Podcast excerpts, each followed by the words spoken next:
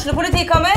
Ine Jansen er purk. Er du purk? The motherfucking bitch. Alt jeg vil, er å finne ut hva som skjedde med mannen min. Jon Carew. Er jeg sikta for noe? Iben Akeli. Det er du. Ole So, Lars Berrum og Big Daddy Karsten. Hvem sin side er du på, egentlig? Anette Hoff, Tone Danielsen, Kommer du fra Afrika? Jørnis Josef, Nesten. Kløfta. Trond Espen Seim, Det er synd å si det, men det var feil mann som døde. Purk. Premiere tirsdag på TV2 Play.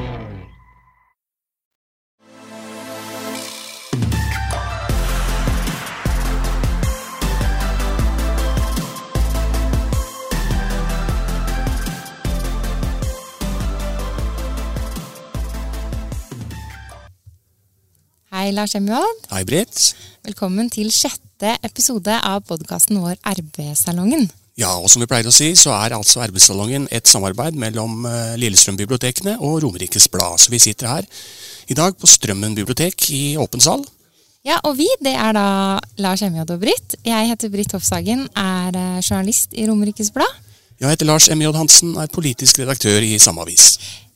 Og i dag så skal vi ha besøk av en av Norges tøffeste kjendiser for tida. En av de tøffeste, og kanskje Ja. den tøffeste, det veit vi ikke ennå. Og eh, ja, vi kan jo si litt om henne. Hennes første sjef var selveste Eivind Hellstrøm. Nemlig, hun har en fortid på Bagatell. Ja, eh, og der var hun dessertsjef og jobba altså 90 timer i uka eller noe sånt. En helt egen livsstil har hun fortalt i tidligere intervjuer. Men så skjedde noe i 2003, for da ble hun plutselig alles kokkelise. Da hun ble um, ja, kokk da, på NRKs frokost-TV. Frokost-TV, og vi kjenner henne også fra Nitimen. Vi kjenner henne fra VGs matspalter. Eh, nå på 71 grader nord-kjendis. Men tilbake til det med 2003. Det skjedde også noe mer. Hun ble mamma Ja. og gifta seg og flytta til Brånåsen på Skedsmokorset. Ja, og i eh, altså NRK, eh, nei, eh, 71 grader nå går jo på TV nå. Og eh, der fikk vi se at hun hadde et litt sånn uventa møte med en hest. Og Ja. trodde kanskje hadde knust foten sin.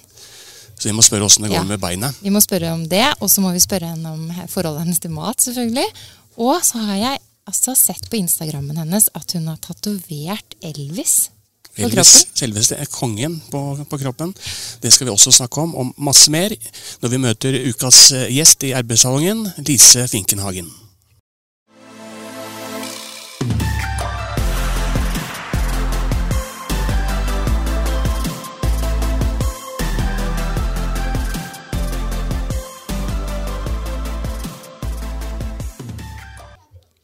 Ja, velkommen til oss, Lise Finkenhagen. Tusen takk. Velkommen til arbeidssalongen, som eh, vår podkast heter. Ja, takk. Eh, jeg først spørre, hvordan går det med beinet ditt? Du, det går eh, Det går greit. Altså, den er faktisk Den er ikke bra. Nei. Den er fortsatt vond. Men, men jeg er oppe og går og kan jogge litt og Ja, jeg er glad for det. Det var Ja. ikke noe godt. Nei, det var en ulykke på 71 grader nord. Ja. Norges største kjendiser. Største kjendis. Eh, Hva skjedde egentlig? Du, vi var ute og Tøffeste kjendis heter det.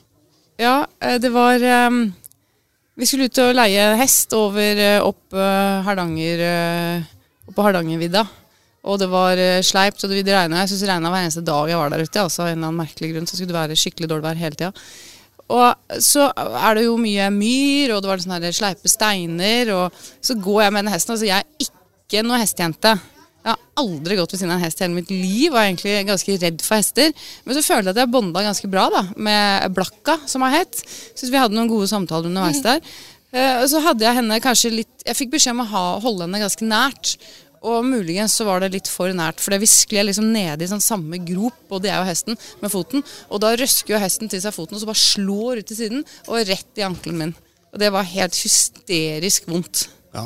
Jeg trodde Det- foten min var knust. Jeg, jeg tenkte at hvis jeg tar av meg skoene nå, så kommer jeg aldri til å få på meg skoene igjen. Så det var best å bare ha den på seg.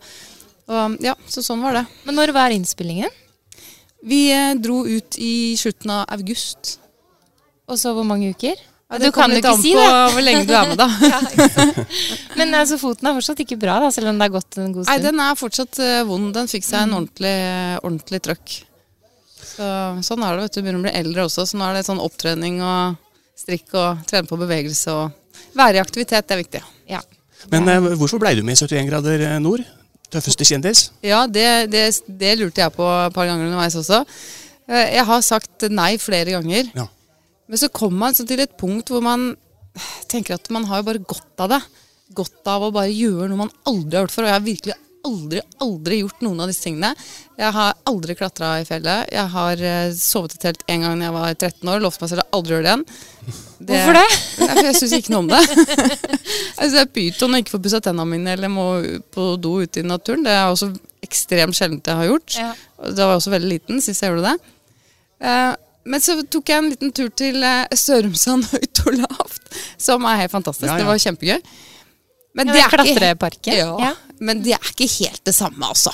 Men jeg tenkte sånn at hvis du tør å klatre, eller drive og gå på noen liner og, og klatre sånn zipline og hva det heter for noe sammen, sånn 25 meter over bakken, så er det ikke så farlig. Om du detter ned 25 meter eller 200 meter, tenker jeg det spiller ingen rolle. Kanskje er det bedre å dette ned 200, for det er liksom ikke noe å snakke om. Eh, så da tenkte jeg, da har jeg sånn, jo da, dette her kommer til å gå bra. Så du dro og øvde der, da? Jeg øvde der en gang. Eh, Det var et, det var et syltynt grunnlag. Er du glad i ettertid nå for at du var med, eller er det noe du angrer på? Nei, jeg er veldig glad for det. i ettertid. Jeg angra flere ganger underveis. Jeg gjorde det. det er, eh, du blir så satt ut, vet du. For det her er som sagt noe du aldri har gjort før. Så du, du, du klarer liksom ikke helt å Du er ikke helt sånn til stede mentalt, og det er slitsomt fysisk. Det er jo ekstremt slitsomt. Du er ute og går åtte-ti timer. Og det at du gjør ting du ikke kan, du utfordrer deg selv så voldsomt hver eneste dag, og du, har, du får dårlig søvn hvis du ikke elsker å sove i telt når det pøsregner. Jeg gjør ikke det. Eh, Det er, det er så mange ting som spiller inn, så du får ikke bearbeida inntrykkene dine. Så du blir utrolig sliten eh, veldig fort. Følte i hvert fall eh, jeg. Men det å komme seg ut av den komfortsonen, som er sånn klisjé og høres nesten litt sånn teit ut, men det er noe jeg hadde godt av. Og det tror jeg alle har godt av. Å bare virkelig få testa seg selv litt. Altså det, det, det er en sånn eh, mestringsfølelse. Den kom ikke da, men den har kommet i ettertid. Det er sånn gutta tenker når de er ferdig med militæret. Det var var ikke så verst allikevel. Ja, det er liksom, det er godt å komme hjem, men fader, det var, det var kult å være der. Hvem var det du ble mest eh, kjent med der av kjendisene? Hva sa du? Hvem ble du best eh, kjent, best kjent med av kjendisene? Eh, vi var jo eh, først i, i lag, da, så det bare ble jo til at man var sammen med de som var på laget. Men eh, jeg fikk jo egentlig aller best kontakt med Melina, og det så jeg jo. Jeg så kanskje ikke helt den komme. Hun røk ut. Mm, Ja, hun gjør jo det også, men vi var likevel da sammen en stund. Og hun eh, Altså, det her er Ex on the Beach, så jeg har aldri sett det. Så jeg ante jo ikke hva dette dreide seg om. Så Hadde da- du for, litt fordommer, eller? Nei, jeg bare visste, jeg ante ikke hvem hun var. Jeg synes hun, var, hun er sånn hun er, på godt og vondt, og veldig søt jente. Og fikk eh, Vi ble gode venner. Vi har kontakt. Barna mine syns kanskje det er litt pussig, men, eh, men sånn er det. Litt sånn morsfigur, da, vet du. Jeg må Bare spørre om Jon Almås, for at eh, mange reagerer litt på at han liksom virker på, som han er på samme måte som han er i den TV-serien, side om side. Ja. Litt sånn besserwisser og Ja. Er Ja. sånn på ordentlig, eller? Jeg tror kanskje det stemmer ganske godt. han er en super fyr. da. Han er jo så smart og veldig god og snill, men han eh, Du føler deg veldig Jeg vil si dum, jeg, altså. Skolelærer? Nei, jeg følte meg helt sånn Jeg turte nesten ikke å si noe til slutt, jeg, fordi man, man, man føler at man bare tar feil. Da. Og, eh, men han, han er jo kjempesmart, og han er super fyr. Men eh, ja, jeg tror også han er veldig lik seg i den TV-serien som nevnes. Jeg har ikke sett så mye på den. Han spiller er seg sjøl. Du, jeg må spørre litt om navnet ditt. Eh, Det er Lise Finkenhagen, men du heter også Lise Katrin Tatjana. Ja. Tatjana. Tatjana, hvor kommer det fra? Ja, du, det er jo litt spesielt. Nei, det er, kommer fra min eh, ukrainske bestefar. Så jeg har litt sånne ukrainske aner, og da tatt med det navnet. Det Er det far, far eller morssiden? på mamma sin side. Ja. Så da ble det Tatjana. Det er ikke et navn jeg bruker veldig mye. Jeg syns det har en litt sånn Ja, så jeg kanskje ikke si det. Litt men- eksotisk? Ja, veldig eksotisk. Eh, Så skal vi over til eh, det som på en måte er yrket ditt. Eh, Under oppveksten på Furuset, leste jeg meg til. Ja. Vokste opp der, og så begynte du på kokkelinja på Sogn. ja. Og, og, og hvorfor ville du bli kokk? Jeg har alltid vært veldig glad i å lage mat. Og bake. Og jeg trodde kanskje først jeg ville bli eh, konditor, eller gå baker og konditor. Husker jeg ikke helt, men jeg bare søkte på begge deler, og de var litt sånn tilfeldige, egentlig. Men, ehm, men jeg har- kunne også tenke meg å bli arkeolog Ja. eller sykepleier. Så det sprikte Ja, jo er litt da, der. ja.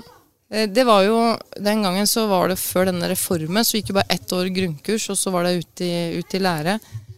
Eh, Jeg veit ikke helt om jeg hadde turt å, å velge det så tidlig som jeg gjorde den gangen. Jeg var bare 15 år, ikke det da? Når vi bare valgte liksom yrkesvei. Ja, Før Reform 94, ja. Ja. Mm. det var jo egentlig litt tidlig, men det har jo gått fint. Det var jo riktig valg for meg. Men um, jeg tror jeg hadde vært en elendig sykepleier, altså, for jeg er så dårlig til øh, å stelle sånne åpne sår. Hadde, vært, hadde svimt av med en Kanskje gang. vært en, en bedre arkeolog enn sykepleier? Ja, det hadde jeg elska. Ja. Det også å ligge på magen ute i ørkenen i Egypt og bare børste frem noen Men de ligger i telt, de òg, vet du. Så Ja, det er, men det er varmere. Det er ikke så mye regn. Det er utrolig mye regn altså, når man øh, går sånn i fjellet. Men kan ikke du ta med oss eh, Forklare litt hvordan oppvekst du hadde? Ja, den øh, jeg, Du nevnte jo Furuset. Det- Egentlig opprinnelig er jeg fra Kjelsås. Ja. Og så flytta jeg til øh, Furuset da jeg var, ja, var det fire eller noe sånt nå.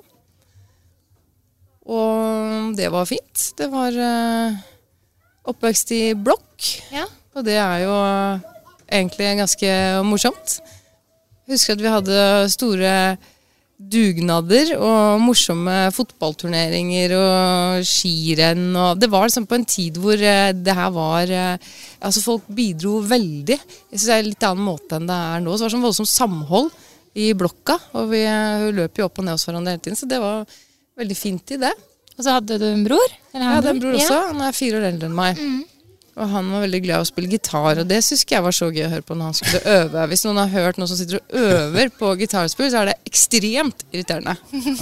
Men jeg var glad i å bake, så da kunne jeg eh, stille med klippekrams når han kommer fra skolen. da. akkurat. Ja, Så du drev og bakte hele tiden? Ja, jeg, gjorde, jeg lagde mye mat. altså Vi lagde mye mat sammen, eh, broren min og jeg. Han eh, var veldig glad i farge, så han putta konditorfarge. Da hadde vi bare sånne kjipe konditorfarger, bare sånn rød og grønn, sånn helt vanlig. Men det var utrolig mye sånn uh, gusjete det kunne bli ved å bare kjøre på med en flaske grønn konditorfarge. Det kan gjøre underverker. Men, du, ja. Unnskyld, du, du sier moren din og du lagde mat, men faren din var jo ikke så glad i mat, og det har du vært åpen opp om Ja, hans uh, sykdom. Broren min jeg lagde Broren din ja, deg, ja. Mm. Men uh, faren din han var ledd av en alvorlig psykisk sykdom. Ja. Det gjorde han. Og det var det ikke så mange som forsto den gangen. Jeg bodde ikke sammen med han da. Nei. Men eh, det var jo en del av eh, hverdagen vår eh, likevel. Og det å Ja, å vokse opp med en pappa som er syk, det, det, er, det er ganske tøft. Eh, men jeg var alltid glad i mat likevel, så det gikk ikke utover min matglede. Men det er klart, man hadde jo ikke noe sånn normalt familie, familiemiddager, og det ble jo veldig annerledes, da. For han hadde altså spiseforstyrrelser, både Ja. bulimi og anoreksi. Ja, det begynte med bulimi. Ja. Så ble han uh, alvorlig syk. Han fikk uh, slag. Og sikkert som også som Ja. uh, på grunn av ja. hvordan livet han levde. Og da mistet han Han ble delvis lamma, og så mistet talen. Men da klarte han ikke å kaste opp maten lenger, så da slutta han bare å spise. Så da ble det anoreksi. Og da han eh, Det er brutalt, men det var liksom en, en, en lang og smertefull uh, sulteperiode. Altså, man- Sultedød. Sultedød, ja. Og han døde når eh, du var lite, ganske liten. Nei, jeg var uh, 16, tror jeg. 17, kanskje. 16-17. Han ble bare 46 år. Ja. Ja. Rettist, hvordan har det prega deg? Du, du uttalte i et intervju med Dagbladet at um, du liksom ikke ser at, at du ser ikke tilbake på en dårlig barndom, men det, det har prega deg litt. ja, det har prega meg veldig mye. Ja. Og også når man ser sånn i dag hvor mye kroppspress det er, eh, fokus på mat. Og så vet jeg at jeg eh, driver jo som matformidler, og jeg elsker jo kaker og dessert. Og samtidig så vet jeg at det er mange som har problemer med det her, så man må være sånn forsiktig med, med litt hva man sier. Da. Ja.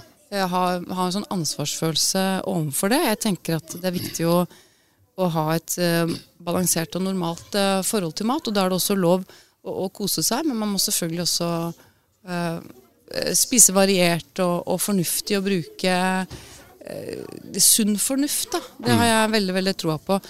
Men Hva vil du si til alle de der ute som sliter med, med, med spiseforstyrrelser? Har du noe si, budskap til dem? Nei, det, det, det Jeg kjenner at jeg er ikke kvalifisert til å, til å uttale meg om. Eh, Det er eh, så sammensatt problematikk. Det kan skyldes så mye.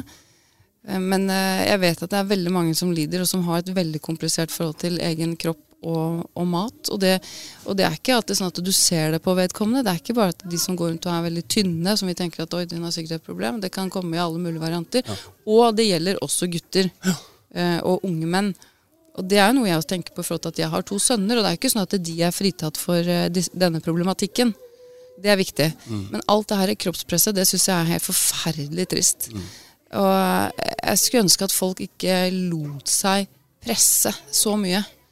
De lot seg påvirke i den grad at man forsto liksom hva det ligger bak det her. De som legger ut bilder, all den retusjeringen, alt dette. eh, Som de, Ja, Du er jo ikke særlig Husker du uttalte et eller annet om at de som legger ut eh, bilde av mamma, flat mammamage fire dager etter fødselen, du er ikke så begeistret for sånne ting? Nei, altså folk må jo gjerne De må gjøre akkurat hva de vil eh, for min del. Men hvis du har et sånt behov for å drive og, og vise deg frem eh, hele tiden også, så tenker jeg at du kanskje ikke har så godt forhold eh, til deg selv. At du kanskje ikke er så trygg på deg selv eh, innerst inne. Man er ute etter bekreftelse. Og det er ikke nødvendigvis at det ligger et lykkelig menneske Eller sitter et lykkelig menneske bak en sånn hva vi skal kalle en perfekt rumpe. Det, det tror jeg det er ganske mange andre ting som spiller inn. Og jeg er jo glad for at jeg selv har et ganske avslappa forhold til, til det. Du har sagt i et intervju at vi kan alle tjene på å droppe fasaden. Alle går ikke rundt og er så forbanna lykkelige hele tiden. Nei, Det synes jeg var veldig bra sagt. Og, Men eh, er du alltid så åpen, på en måte? Du er veldig åpen om det med faren din og Ja, jeg, Ja. jeg er åpen jeg, jeg er åpen til et visst punkt. Det er nok ting jeg ikke Som også sitter uh, lenger inne. Men jeg syns det er litt viktig. Og det er ikke sånn for å utlevere han eller for å si at jeg har hatt det fælt eller at jeg er noe offer, for det er, det er ikke sånn det er. Men fordi at jeg, jeg vet Jeg kan litt om dette, eller jeg vet jeg har kjent det på kroppen. Og i og med at jeg har den eh, jobben eh, jeg har, da, så er det litt viktig for meg også å si at eh, at jeg, at jeg forstår litt uh, om dette. At ikke jeg bare er sånn som Jo, jo, spis kakejenta mi. Det er kjempedeilig. Eller nå i dag er det salat. Altså, jeg har liksom, det, det ligger litt mer bak, da. Og jeg forstår problematikken, og jeg syns det er helt forferdelig at det er, det er mange, som, mange som sliter. Og det er utrolig trist. Ehm, Ja, vi nevnte jo i introen her at din første sjef var Eivind Hellstrøm. Ja. Ja. Uh, og du jobba som lærling på Bagatell. Ja, det var da kokkeeventyret starta. Ja. Ja. 16 år gammel lærling hos Ja, Eivind Hellstrøm. Hvordan i all verden klarte du å få lærlingplass der? Ja, det var Vet du hva, jeg, når jeg søkte lærlingplasser, som sagt så var jeg sånn usikker på om jeg skulle bli baker, konditor eller kokk. Så jeg hadde gått ett år da på kokk eh, grunnkurs, som det het den gangen. Og så hadde jeg egentlig søkt meg over på baker og konditor. Så jeg hadde kommet inn på det, så jeg var litt sånn, litt sånn laidback på det. Og ja ja, da tar jeg et år på det, da. Det går fint. Men jeg søker litt lærlingplasser. Og så søkte jeg flere steder. Og det eneste stedet jeg kom inn eh, i intervju, det var hos Eivind. Og jeg hadde jo for helt ærlig aldri hørt om Bagatell eller uh, Michelin-stjerner eller noen verdens ting, ja, men jeg syntes det var kjempegøy. Og jeg er, sånn, jeg er sånn veldig nysgjerrig og vil jo lære, og er, så kommer dit og er litt sånn ung, eh, dum og naiv, og det tror jeg faktisk jeg vant litt på. Jeg var ikke noe redd han. Jeg syns jo bare han var ekstremt fascinerende og syntes det var kjempegøy. For Dette var jo storhetstida til Bagatell, og han var jo Ja. litt berykta. Men du bare Ja, ja, men jeg visste jo ikke det. Det var mange som var litt redd han på Ja, den det var tida. mange som var det. Og de hadde akkurat fått to stjerner. Men eh, jeg hadde ikke så veldig stort forhold til det. Jeg spilte fotball, var veldig ivrig på det. Og, og jeg syns Eivind og jeg hadde en veldig god prat. Jeg husker faktisk enda at jeg satt der og, og snakka med han inne i restauranten. Det, da starta jo kokkeeventyret, som sagt, eh, og du var på Bagatell i flere år. Ja, jeg var der litt til og fra, men jeg tror jeg var til sammen nesten i ni år. Ni år, ja. Så var du med på eh, oppstarten på Oro, var det ikke det? Ja, det var jeg også. Ja. Og har, eh, Sjekka ut mye, du. Ja, jeg må, Jeg googla. Googla CV-en din. Jeg tenker på, på en måte, Og så har du jo eh, Da levde, hadde du en livsstil som var litt spesiell. Jeg har lest at du kanskje jobba opptil 90 timer i uka. Aldri Ja. hadde lørdagsfri. Det var eh, Det riktig, jobbing, litt soving, litt ute på byen. Ja. Og det var livet. Ja. ja. Det var familien din, da, kanskje? Ja, det var jo sånn. Det, det, det, det blir jo bare Vi hadde sånn 90-timersklubben. Vi trodde jo at det var veldig kult uh, den gangen. Sånn I ettertid tenker jeg at det var jo egentlig ikke det. Det var jo helt høl i huet. Men, eh, men det er sånn, det er jo sånn livsstilen ble. ikke sant? Man, man jobba, man gikk ut på byen og sov litt, og så var det på'n igjen. og Det var mye moro, da. Kose oss, eh, kose oss masse. Ja. Det var mye god mat. Da var du dessertsjef. Eller var det du det hele tiden? Jeg, Jeg var ikke det hele tiden, nei. Nei. Men jeg var det i en periode. Tror jeg var fra jeg var sånn 19. Ja. Så jeg var ansvarlig for dessertene da, på Bagatellen. Og det som er litt kjedelig med det, det er at da er du sist ferdig. Oh, ja. For det, gjestene skal jo ha det til slutt. Så da måtte jeg bare hive meg rundt og prøve å finne ut hvor de andre hadde stukket av. Okay. Har du en eller annen dessert du husker spesielt godt fra den tida, som du lagde ekstremt mye? Ja, vi hadde jo pasjonsfruktsufflé på menyen. Og, når folk, og da, det er jo sånn à la carte, altså de bare bestiller jo akkurat hva de vil ha til eh, Ja, det dunker jo inn med bestillinger rett som det er. Og da at du plutselig får en sufflé Sufflé er ganske sånn risky business. Det er, det er mye som kan gå galt. Det er som snakk om timing og temperatur, og det skal eh, piskes for hånden. Denne marengsen og sånn. Og når du får mange suffleer, og det er eh, Det var alltid litt sånn Det var litt, litt skummelt. Da står liksom tiden stille. Nå er det sufflé. Da må alle bare Servitør, du kommer hit. Det er ikke sånn at eh, altså, Suffleen venter ikke på gjesten, liksom. Den, den kjører når den er klar. Så det var, eh, men det er gøy òg, da. Ja. Det er det Men det var gøy. mye stress, men gøy, kanskje? Ja, det er mye stress. Ja. Det, er mye, det er veldig mye stress å jobbe på et kjøkken, men det er eh, aller mest gøy. Ja. Hektisk liv, men i 2003 så skjedde det, var det kom et vendepunkt, eller et skille i hvert fall, i livet ditt. Ja, eller 2002. 2002, ja. 2002 fikk jeg, jeg, så godt, altså. eh, fikk jeg han uh, eldstemann. ja, for du har to sønner. ikke Jeg har sant? to Ja. sønner. Hva er det han heter, da? Han heter Herman. Herman, ja. Mm. Og nummer to heter Lukas. Lukas. Men eh, når møtte du eh, pappaen deres, da? Det var, det var vel i 2000, da. Det gikk ganske raskt da. Ja. Hvordan møttes dere? Han var um, bestekameraten til kjæresten til min bestevenninne. Ja. Så dere fire hadde det mye gøy sammen, da? Ja, men jeg, hadde, jeg var jo mest sammen med disse kokkemenneskene. Ja. Jeg hadde jo aldri fri, da. Jeg hadde jo ikke hatt en lørdagstur på fem år. Og så spurte jeg Eivind om jeg kunne være så snill om det var mulig å, å få, få fri. Så jeg fikk eh, i hvert fall kommet meg på en eh, konsert. Og der var eh, Da hadde jo de planlagt det, selvfølgelig, da. Å ja. Med venninnen min. Og, så da ble det en liten match der også. Akkurat. Og så, Det var hyggelig. men så får du da første sønnen din. Ja, og da, det lot seg jo ikke kombinere med å jobbe 90 timer i uka, selvfølgelig. Det, er- det, Eivind trodde kanskje det først, for jeg sa til han at jeg tror kanskje dette kan bli litt vanskelig med en baby og, og det å jobbe så mye. Han, han syntes det var litt rart, fordi hans, hans argument var at han hadde, jo, han hadde jo to hunder, og de måtte man jo gå på tur med òg. I tillegg. Ja. Så, ja, men man må liksom ta seg av dette barnet òg, da. Skal kanskje trilles litt og passes litt på, så hm, na. Så da Da funket ikke det så bra lenger. Så etter det så har jeg egentlig ikke jobbet på, i restaurant på den måten, da. Men uh, isteden så ble det jo alles kokkelise. Ja, da, da begynte jeg jo uh, i frokost-TV. Ja. Da han var ganske liten. Og så helt sånn tilfeldig. Jeg hadde aldri sett for meg at jeg skulle være i noe media, i hvert fall ikke på noe TV. Men så er det noen ganger bare sånn det blir, da. Da ringte NRK deg bare og spurte, eller? Ja, det Ja. gjorde de. Så var det flere som var inne i bildet. Husker ikke helt hvordan det her var, men i starten så var det vel bare et par dager i uka. Så var det egentlig at det skulle være meg og en annen, så vi skulle bytte på. Men så tror jeg den andre trakk seg ut av det. Og ja, så bare fortsatte jeg eh, der og trivdes med det. Og syntes jo det ble bare morsommere og morsommere. Så fikk jeg et barn til. Litt senere, da. 2006. Og da bodde du på Skedsmokorset da? Eh, nei, da bodde jeg på Mortensrud. Ja. Når flytta du dit, da? til uh, ja, Hva var det, da? Det tror jeg det var når han eldste var to år. ja. Nei, yngste var to år. Så hva ble det da? 2008, da. Ja. Jeg bodde her i snart tol ja, jeg bodde her i tolv år jeg, til påsken. ja. Hvorfor akkurat Skedsmokorset? Det var det- Nei, det, jeg vet ikke helt. Altså, jeg hadde egentlig ikke tenkt å dra den veien, men da eh, Espen da var jo fra Ellingsrud-traktene. Ja, så var jeg jo fra Furuset, altså jeg kjente jo liksom østkanten ganske godt. Eh, Men så var det liksom skoleproblematikk når eldstemann skulle begynne på skolen. Eh, og vi, vi måtte finne et sted hvor det var, vi var sånn trygt og fint og ordentlige forhold. kort skolevei, gode skoler. Det er de tingene man eh, vektlegger da, når man er i den fasen. Og så er jo Skedsmokorset er, er veldig koselig. Ja. Det er jo sånn tilflyttersted, og de fleste har liksom de samme interessene. De er på ganske sånn samme sted eh, i livet på mange, mange måter, og det er eh, trygt og fint, så jeg er veldig glad for at vi havna der. Og du, du bor, der fortsatt, og grunnen til Ja. at jeg spør, at jeg må komme inn på det du, eh, Forholdet til mannen din, det tok slutt. Ja, dessverre så gjorde det det i høst. Men eh, jeg fortsetter å være på korset litt til, jeg også.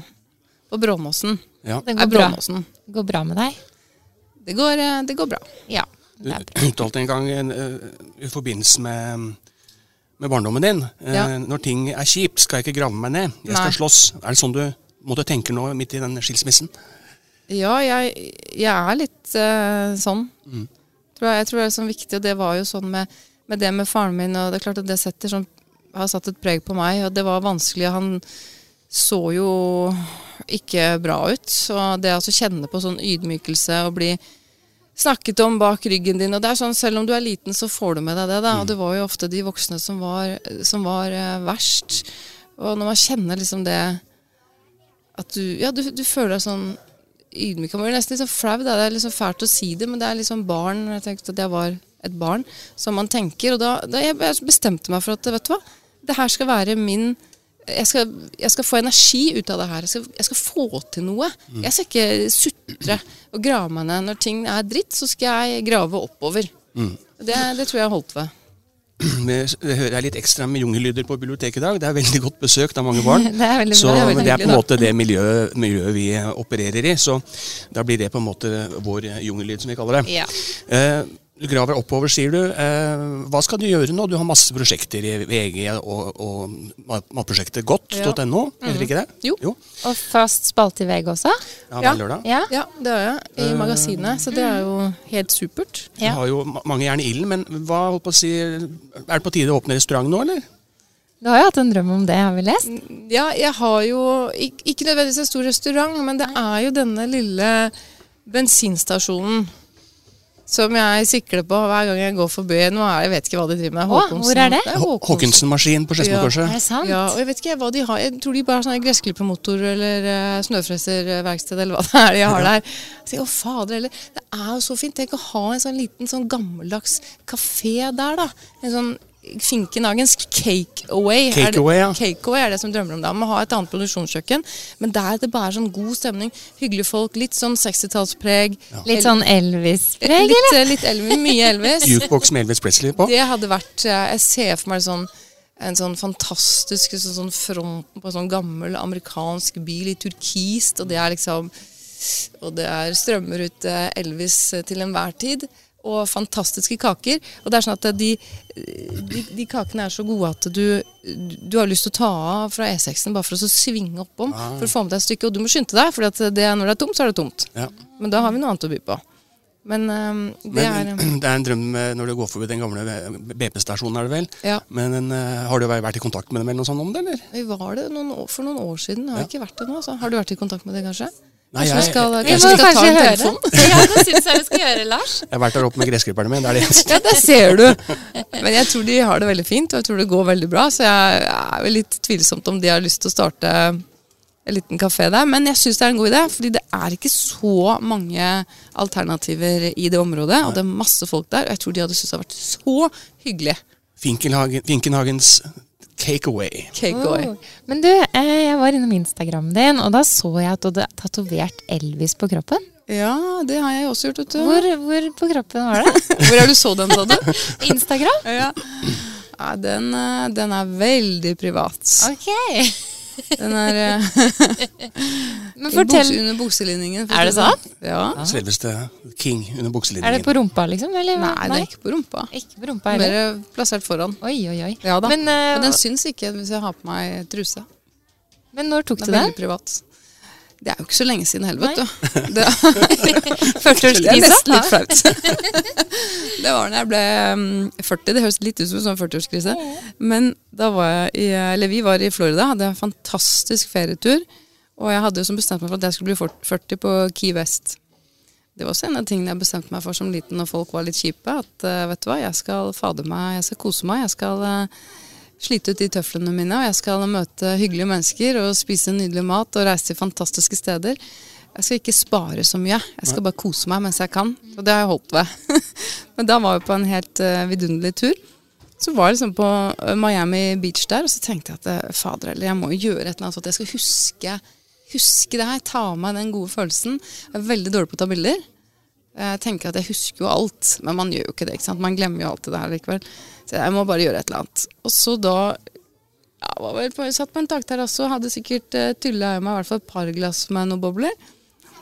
Tenkte at nei, jeg tror jeg bare tar en tatovering. ass. Jeg bare gjør det. Nei, gud. og så hadde jeg gått forbi et sånn, så veldig sånn kjent tatoveringssted. Det var ikke helt klar over at det var så kjent, da, men det var fra et sånn der Miami Ink, et sånt TV-program. Ikke at jeg sitter og ser på det, men dette ble fortalt i ettertid, faktisk. Men det så sånn gøyalt ut, så da dura jeg ned dit. da, Så ser jeg du, jeg, jeg tror jeg skulle bare ha en tatovering. Ja. Så liksom, ja, hva skal du ha da? Nei, jeg tror det må jeg tror det må bli Elvis, altså. For han er liksom den, den jeg har hatt et sånt godt forhold til hele livet. Man vet jo aldri liksom hva Man kan jo forandre, skifte mening, men jeg tenkte han kommer jeg til å være glad i for resten av mitt liv. Han betyr mye for meg. Mm. Og så har jeg egentlig tenkt på en tatovering med navnet på barna mine, men når man skal det er liksom så viktig at da klarer man aldri helt å bestemme seg. Verken for font eller plassering eller noen hver Så jeg tenkte her må bare være noe som er bare sånn veldig veldig privat. Det er ingen som skal se det. Det her er bare, bare meg. Da ble det liksom signaturen til Elvis, og han sto og så på meg, målte meg opp og ned, han tatovøren, og så bare er du, er du sikker på dette? Jeg bare, ja, ja, ja. Måtte blåse først? Ja. så det var helt topp. Yngste sønnen min liker det ikke. Han var veldig jeg ble litt sjalu, da. Det er noen år siden nå. Syns jo at det det var kanskje måte på hvor forelska mamma skulle være i Elvis. Akkurat. Jeg prøvde å si at han er 80 år, liksom. Det er ikke noe stress, men jeg tror ikke det, tror ikke det hjalp. Han er 80 år, sier du? du vet at han er død? ja, ja, men jeg tenkte han hadde vært 80 år. Altså, ja, I, i mitt, mitt, hjerte så lever han jo, selvfølgelig. Ja. Elvis lever.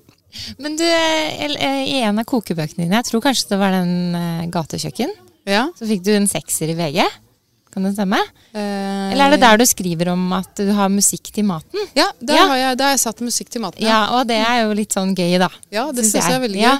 Er det sånn at du alltid har en spesiell sang til en spesiell rett, eller hvordan fungerer det? Mm, ikke nødvendigvis at jeg har en spesiell sang, men at jeg hører mye på musikk. Jeg er veldig glad i musikk. Og ikke, ikke Jeg kan ikke spille et eneste instrument, eller noe sånt, så, men jeg bare liker å ha musikk på. Sette på det på morgenen, danse litt på morgenen. Det er veldig veldig viktig. Da kommer man i utrolig godt humør. Man får energi med en gang.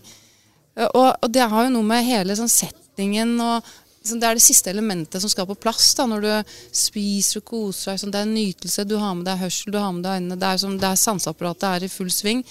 Eh, dufteapparat. Alt er liksom alt er liksom med. Og da syns jeg musikken er det, det siste elementet da, som får liksom alle bitene til å, å, falle på plass og setter deg i en sånn spesiell eh, modus. Kult.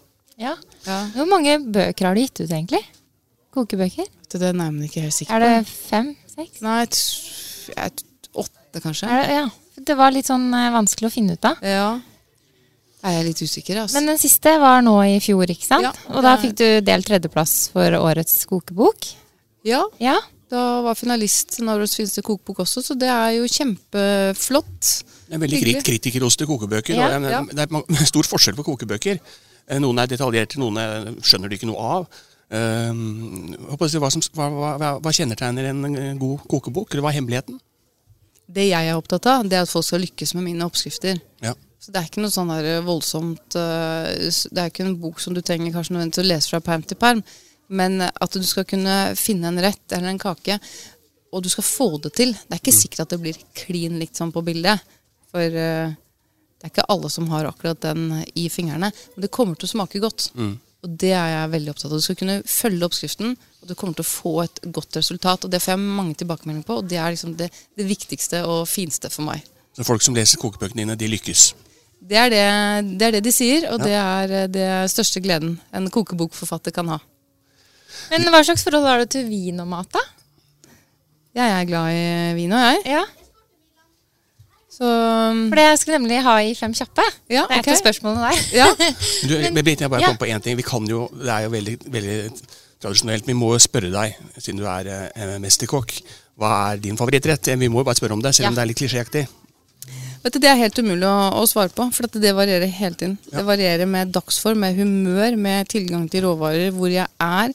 Så det, det, det fins ikke en uh, favorittrett. Men har du favorittrestaurant, da? I, på Romerike, eller? På Romerike er det Ja. chi. Ja. Det var god reklame for ski. Det var bra. Ja, ja, ja, den, den kom veldig kjapt. Ja da. Den kommer fra hjertet, den, da. Ja, men uh, jeg, Denne jeg, podkasten sponses av Nei da. Nei, men jeg trives, uh, jeg trives veldig godt der. Så syns jeg det er så deilig å spise liksom, asiatisk når jeg holder på med så mye annet selv. Da har man lyst til å gjøre noe, spise noe helt annet ofte når man tar en tur ut. Hva er det du spiser der, da? Vet du hva jeg pleier å, å spørre om de bare kan lage noe? Ok. Det, er liksom mitt, uh, det, det er et godt tips, altså. Hvis oh, ja. man er et sted, så si bare Hvis kjøkkensjefen kan sette sammen noe. Det kan jo være at de har to-tre porsjoner av noe som de kanskje sitter inne med som de ikke får solgt. De kan, da får de også utnytta seg av det. ikke sant? Da får de brukte brukt det. Så det, kan jo, det er jo en sånn vinn-vinn-situasjon. det skjønner du. Og begge veier. Så det synes jeg er veldig det var et godt tips. Så bare, Kan du lage noe? Smelle sammen noe til meg? Ja, jeg ja, ja, jeg pleier i hvert fall å gjøre det der. Og de ser det litt an da om det er hvem jeg er sammen med. Ja. Så, og han yngste sønnen er jo bare så glad i crispy duck, så han sitter jo der og spiser en hel and, tror jeg. Men blir du ofte kjent igjen? Ja, jeg blir nok eh, det etter hvert, ja. Sånn eh, av kjøkkensjefer og eh, servitører og sånn, at de blir sånn Lise Finken Hagen er her. Ja, noen steder så blir det sånn, og det er jo mange Ofte så går jeg jo til folk jeg kjenner også, fordi at det er jo hyggelig å besøke kolleger. Men ehm, Jeg vet ikke akkurat hvordan det er på Chi, men eh, jeg tror de har sett meg en del ganger der, så jeg syns det er Jeg syns jeg får fantastisk service. Og god mat. Ja, Det, gjør vi jo, selv om vi ikke er kjente. Så. Ja. Ja, men da kjører vi på med fem kjappe. Ja. Eh, den første er hund eller katt. Katt. Har du katt? Jeg har to Du har det, ja. To uh, Maine Coon. Å, de er fine. Ja. Ja. To små gauper. Men de eh, er jo også veldig glad i å henge rundt på kjøkkenet når jeg lager mat, så det er jo litt problematisk. ja. de liker å gå på bordet og sånn. De eh, liker i hvert fall å følge sine egne regler, så de blåser i hva mor prøver å fortelle dem. Så er det da øl eller vin. Da er det vin. Da er det vin, ja. Ja. Hva slags vin? All slags vin? Ja, veldig Ja. glad i champagne. Ja. Og hvitvin. Naturvin. Eh, Jeg er ikke noe sånn stor rødvinsdrikker. Det burde jeg egentlig ha vært, og det kjenner jeg litt på. At folk liksom forventer at jeg skal like sånne store, kraftige franske rødviner. Jeg er litt usikker. Og jeg har aldri klart å venne meg til å drikke øl. Og det er også litt flaut. Jeg skulle ønske jeg likte øl. Det er litt rart å si, kanskje, da. Men uh, det, får det liksom ikke helt til. Nei. Nå har det kommet så mange typer. Det kommer litt sånn surøl og uh, litt sånn hveteøl og Jeg kan jeg, jeg, jeg prøver, da. Jeg prøver. Mm. Så jeg driver fortsatt prøver å like øl. Ja, det er liksom noen sliter med å like oliven, liksom. Må prøve dem nok ganger. ja, det er Ja. noe med det. Det er det vi sier til barna også. Så bare jeg bare fortsetter altså, jobbe med det. Ja. Eh, Lofoten eller Gran Canaria? Nå burde jeg jo si Lofoten, da. Etter 71 grader nord, men uh, sorry, ass. Da blir det Gran Canaria. Er, det, er det sola som eh, gjør utslaget Ja, jeg er veldig glad i sol og varme. Ja. Veldig, veldig, veldig. Ja. Helt enig med deg, altså. Eh, byen eller fjellet? Det blir nok byen. Ja. Jeg er byjente. Jeg er asfalt caffè latte. Oppvokst um, i Groruddalen. Da blir det sånn, vet du. Jeg liker ikke å sove i telt. Jeg, ikke, du trenger ikke å sove så mye i telt, jeg. Og Ja, det spørs vel hvor lenge vi får behol- beholde deg på Skedsmokorset. Vi får se. Ja, nå er det jo, skjer det jo mye her. Det, det er veldig gledelig at det skjer litt ting i Lillestrøm. At det, er, det føles mye mer eh, som en by. Jeg har jo liksom Ja. ikke hatt noe forhold til det.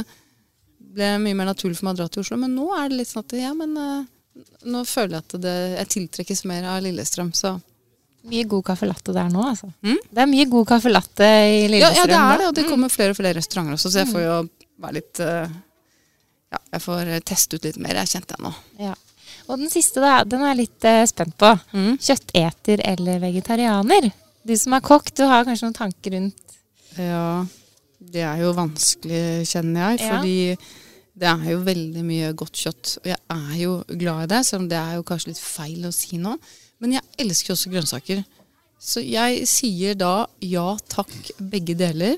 Men tenk på miljøet, tenk på dyrevelfer dyrevelferden når man eh, velger. Man trenger ikke å ha så mange kjøttmåltider. Og sørg i hvert fall for at det er eh, et lykkelig dyr som har hatt det godt, og at det har fulgt alle regler. Ja, veldig bra svart. Eh, vi nærmer oss slutten på podkasten vår RB-salongen, og vi pleier alltid å ha en gave til gjestene våre. Ok? Eh, I dag bega vi oss ut på et litt risikoprosjekt. Vi dro innom Vinmonopolet og tenkte på hva skal vi kjøpe til Lise. Enten ble det Elvis-kopp Elvis-kopp. Nei, det ble ikke det. Heldigvis ikke rødvin, men vi- det ble en italiensk dessertvin. Å, det liker jeg, vet du. Ja. Fordi du har jo vært Å, dessertsjef og å, sånn. Jeg elsker jo sånt. Ja, Å, så bra. Tusen hjertelig takk. Vi setter veldig pris på at du tok deg tid til å komme til oss. Altså, da må vi gi en liten gave, følte vi. Tusen, tusen takk. Og jeg er, veldig, jeg, er, og det, jeg er veldig glad i dessertvin. Altså, Jeg liker alt som er søtt, og jeg vet du. Ja. Helt håpløs. Ja. Søtt og fritert. Uff a meg. Noen guilty pleasures må man ha. Hva skal du ha til middag i dag, da? I dag hadde jeg tenkt å lage meg en blåskjellpasta, faktisk. Oi, såpass? Ja. Hva skal du ha, Lars? Nei, det blir ikke blåskjellpasta, i hvert fall. Men vi kan jo gå, alle som vil, kan jo bare gå inn på Hvor finner vi oppskrifter? Er, har du, du har Instagram? Ja, jeg har Instagram. Ja. Der er det ikke så mange oppskrifter, men det kan jo være noen inspirasjonsbilder. Eller så er det jo vggodt.no. Ja. Der ligger det mye, mye deilig. Så da kan jeg gå inn og finne, bli inspirert. Det kan du gjøre. Du Lise, tusen takk for at du kom til oss i RB-salongen. Tusen takk for at jeg ble invitert. Tusen takk.